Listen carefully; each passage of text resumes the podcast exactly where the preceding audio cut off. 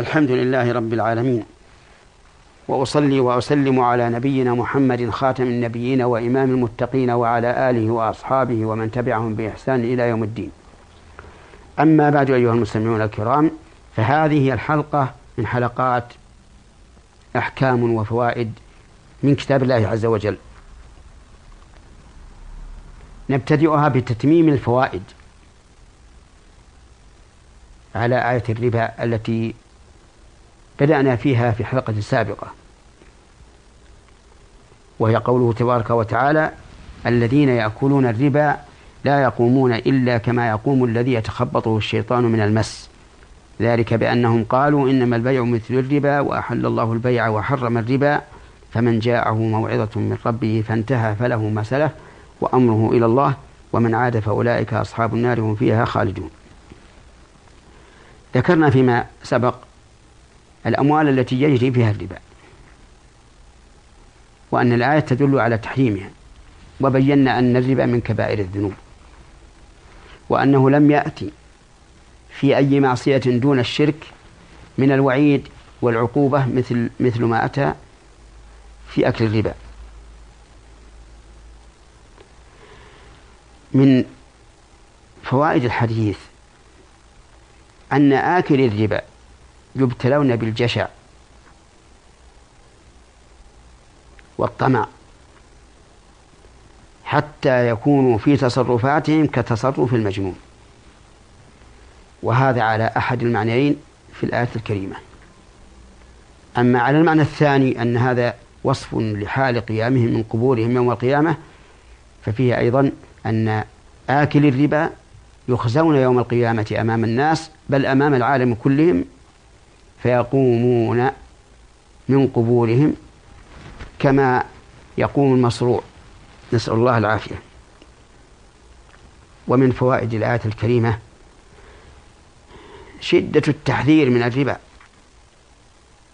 لأن هذا التشبيه الذي ذكره الله عز وجل بمجرد ما يسمعه الإنسان العاقل سوف ينفر ويفر من الربا فراره من الأسد.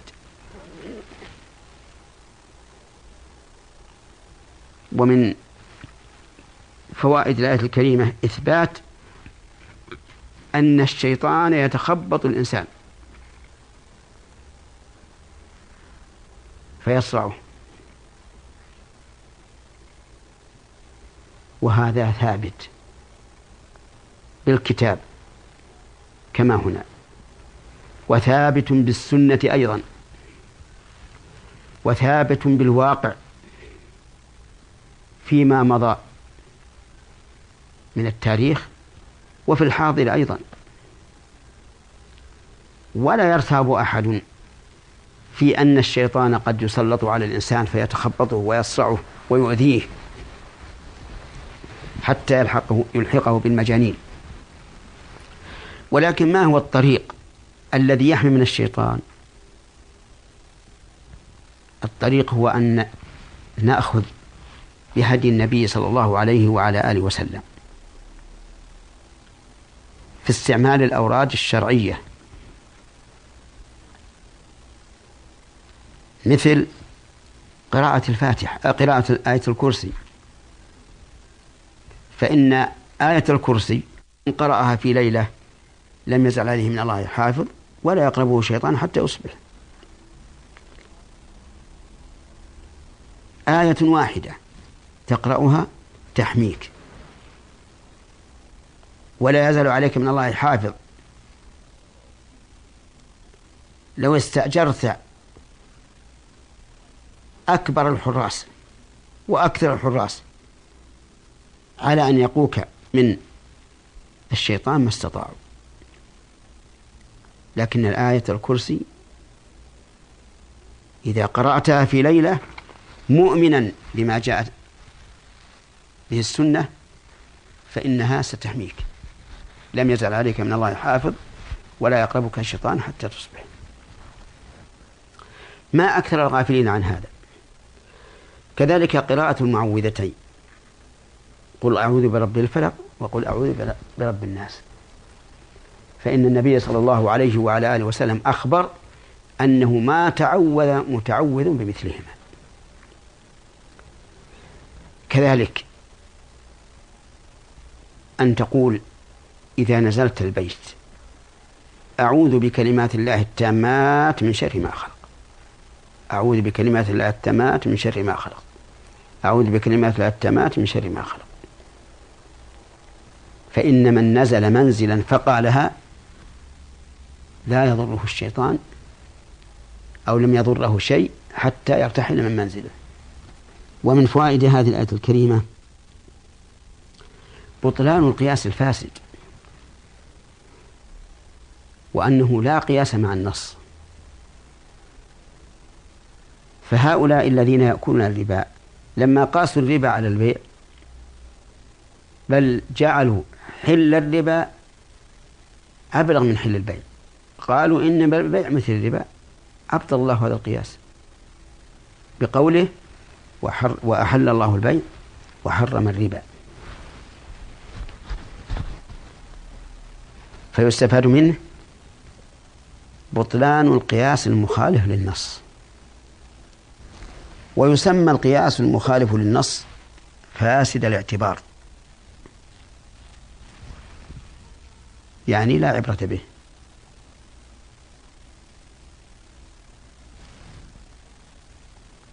ومن فوائد الآية الكريمة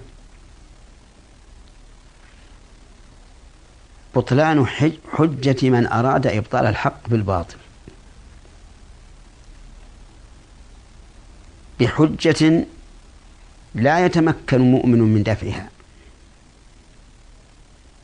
وهي أن الحكم لله فلا جدال بعد وضوح الحق.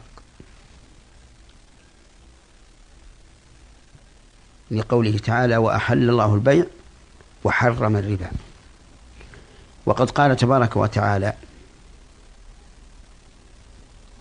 إنما كان قول المؤمنين إذا دعوا إلى الله ورسوله أن يقولوا سمعنا وأطعنا وأولئك هم المفلحون. ومن يطع الله ورسوله ويخشى الله ويتقه فأولئك هم الفائزون. وقال تعالى وما كان لمؤمن ولا مؤمنة إذا قضى الله ورسوله أمرا أن يكون لهم الخيارة من أمرهم.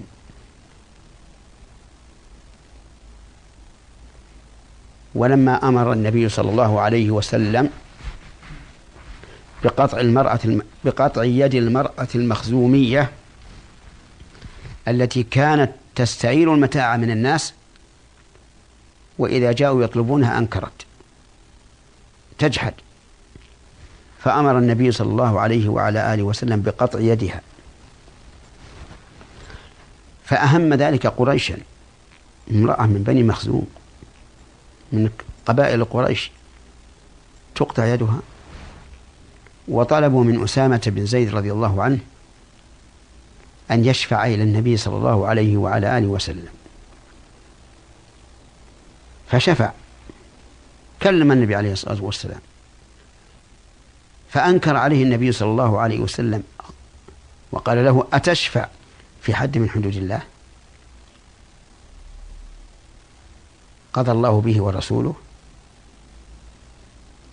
ثم خطب الناس فحمد الله وأثنى عليه وقال إنما أهلك الذين من قبلكم أنهم كانوا إذا سرق فيهم الشريف تركوه وإذا سرق فيهم الضعيف أقاموا عليه الحد.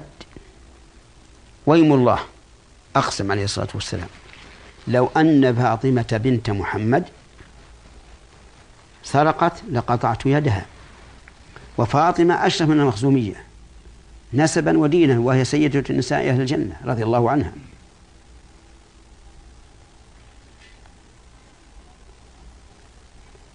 وقال لقطعت يدها ولم يقل لأمرت بقطع يدها. يعني هو نفسه صلوات الله وسلامه عليه يباشر قطع يدها.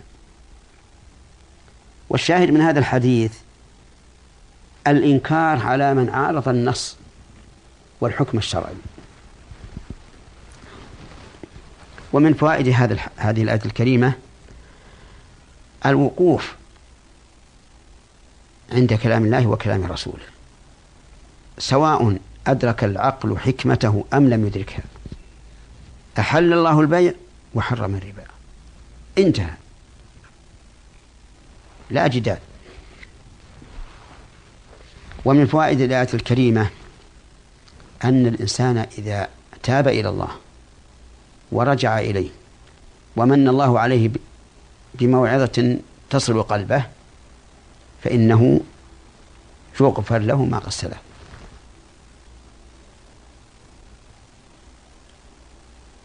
لقوله تعالى فمن جاءه موعظة من ربه فانتهى فله ما سلف وهذا فضل الله ولله الحمد والمنة. الكفر وهو أعظم من من الربا. إذا تاب الإنسان منه تاب الله عليه. قال الله تعالى قل للذين كفروا إن ينتهوا يغفر لهم ما قد سلف. وأخبر النبي صلى الله عليه وعلى آله وسلم أن الإسلام يهدم ما قبله. كذلك التوبة تهدم ما قبلها. ومن فوائد هذه الآية الكريمة أن الإنسان لا يلزمه أن يخرج ما اكتسبه بالربا بعد التوبة. لقول الله تعالى فله سلف ولكن يلزمه أن يسقط الربا بعد التوبة. لقول النبي صلى الله عليه وعلى آله وسلم ربا الجاهلية موضوع وأول ربا أضع من ربانا ربا العباس بن عبد المطلب. ولكن إذا قلنا إن التائب من الربا إذا بقي له ربا في ذمم الناس فإنه يتركه فهل يسقط عن ذمة الذي أعطى الربا؟ الجواب لا يسقط بل يؤخذ منه ويوضع في بيت المال. لئلا يجتمع له الربح من من وجهين. فيقال أنت أيها الدائن الذي لك الربا لا تأخذ الربا. لأنك تبت إلى الله ولا ترجع في توبتك. لكن هذا الذي عليه الربا تصرف باختياره والتزم الربا باختياره. وانتفع بالمال الذي أخذه فلا يمكن أن نجمع له بين الفائدتين. نقول نأخذ الربا منه ونجعله في بيت المال. مثال ذلك لو أن شخصا تعامل مع شخص وأعطاه مليون ريال على أن يسدده على أقساط مليون ومائة ريال مو مائة ألف مليون ومائة ألف. نقول أنت أيها الدائن لا تأخذ إلا مليون ريال وأما أنت أيها المدين فأعط الدائن مئة آه، مليون ريال ونأخذ منك مئة ألف نجعلها في بيت المال. لأنك راض بدفعها. ولا يمكن أن نجمع لك بين هذا وهذا. هذا ما نراه في هذه المسألة وإلى حلقة قادمة إن شاء الله تعالى. والسلام عليكم ورحمة الله وبركاته.